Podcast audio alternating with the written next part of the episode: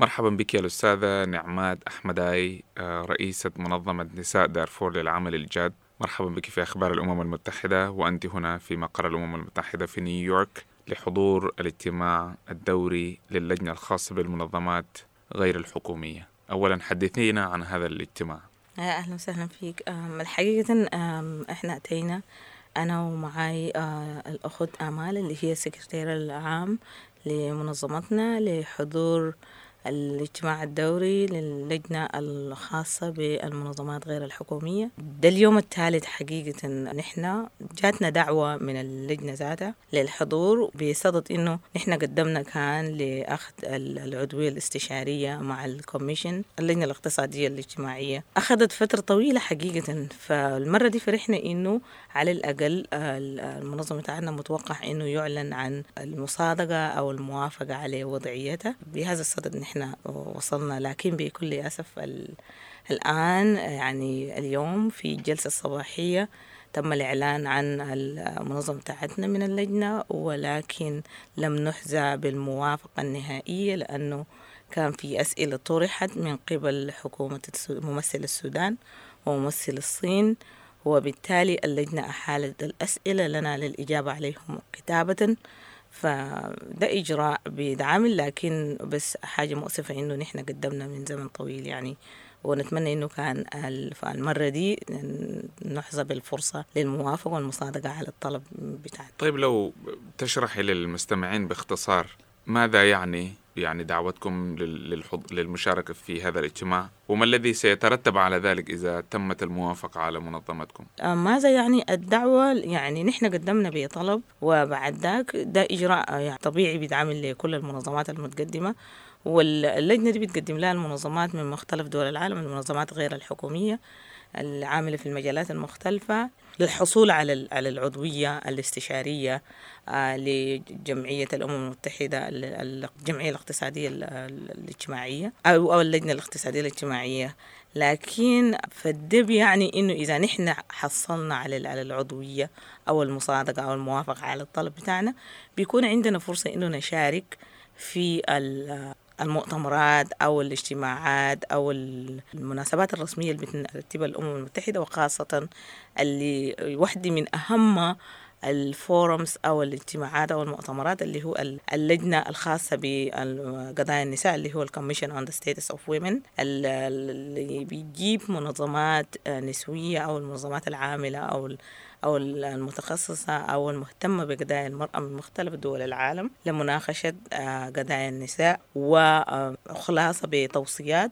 والتوصيات دي بتتبناها الأمم المتحدة أو لجنة الأمم المتحدة الخاصة بقضايا المرأة لإدراجها في أجندة الأمم المتحدة. وأنا بفتكر نحن كناس من السودان بنعمل مع النساء خاصة في مناطق الصراعات أو اللي هو دارفور على وجه التحديد وبنعمل في آه، مستويات مختلفة. ده كان بيكون مهم جدا يعني نحن معزولين من سنين ونساء دارفور ما حظيوا بفرص كافية للمشاركة في مثل هذه المؤتمرات لطرح قضاياهم أو المشاركة في وضع الأجندة لحل قضايا النساء على المستوى العالمي كجزء من مؤسسة مثل الأمم المتحدة. منظمتكم منظمة نساء دارفور للعمل الجاد هي بتعنى بشأن النساء في دارفور والنساء اللواتي تأثرن بالحرب في الإقليم. يعني حدثينا عن راهن النساء الآن في دارفور وبالذات النساء النازحات واللاجئات. كيف تعمل المنظمة على مساعدة هؤلاء ال-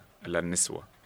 حقيقة ال- المنظمة هي منظمة صغيرة وإمكانياتها محدودة ولكن بنسعى جاهدين في إنه أول حاجة إعطاء المرأة الصوت في إنه يكون لها دور في إنها تخاطب قضاياها وتوصل صوتها على كان المستوى القومي أو الإقليمي أو العالمي وبرضو التركيز على معاناة المرأة وإعطاء ال- العالم الخارجي أو المؤسسات ال- العالمية آه، التعرف على آه، وضع النساء في دارفور أو آه، حجم معاناتهم.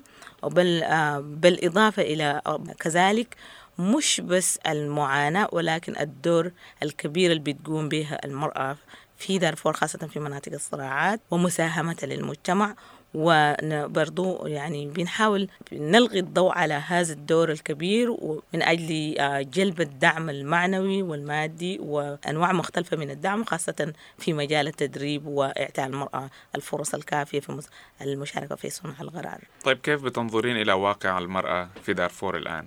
حقيقة الواقع أليم جدا يعني الصراع في دارفور ما زال آه، والآن الصراع دخل في العام ال 15 تقريبا أو ال 16 آه، منذ بداية العام 2002 والعام 2003 اللي هو الصراع بقى فيه معروف عالميا. حتى الآن يعني في عدد كبير جدا حكاية ما يفوق الثلاثة مليون آه، من الذين نزحوا وعدد كبير من اللاجئين. لم يستطيعوا العودة إلى مناطقهم.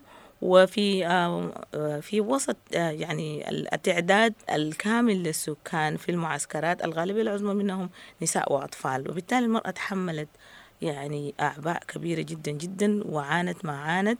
والوضع حقيقة سيء الآن رغم أنه يعني المرأة ما زالت صامدة عندها الإصرار على المواصلة ومقاومة الظروف ولكن الوضع حقيقة صعب خطير على صحتها وحياتها ومستقبلها يعني. يعني في ختام هذا الحوار أنت الآن هنا في مقر الأمم المتحدة آه، متحدثة بأصوات النساء السودانيات والدارفوريات على وجه الخصوص. ما هي رسالتك إلى المسؤولين هنا في الأمم المتحدة إلى المجتمع الدولي في ظل هذه المعاناة التي ذكرتيها التي يعانيها؟ تعانيها النساء في دارفور؟ آه، حقيقة أنا رسالتي يعني آه، مهمة جدا إلى المسؤولين والقائمين أمر الأمم المتحدة. نحن كمواطنين بنعتبر نفسنا نحن جزء من هذه المؤسسة. فأنا بفتكر القائمين بأمر الأمم المتحدة يرجو أنه يحتوا منظمات المجتمع المدني زينا فرص وخاصة الآن ليس هنالك منظمات عديدة من دارفور أو من السودان تعمل مع الذين متأثر تأثروا بالحروبات أو يعانون من الحروبات.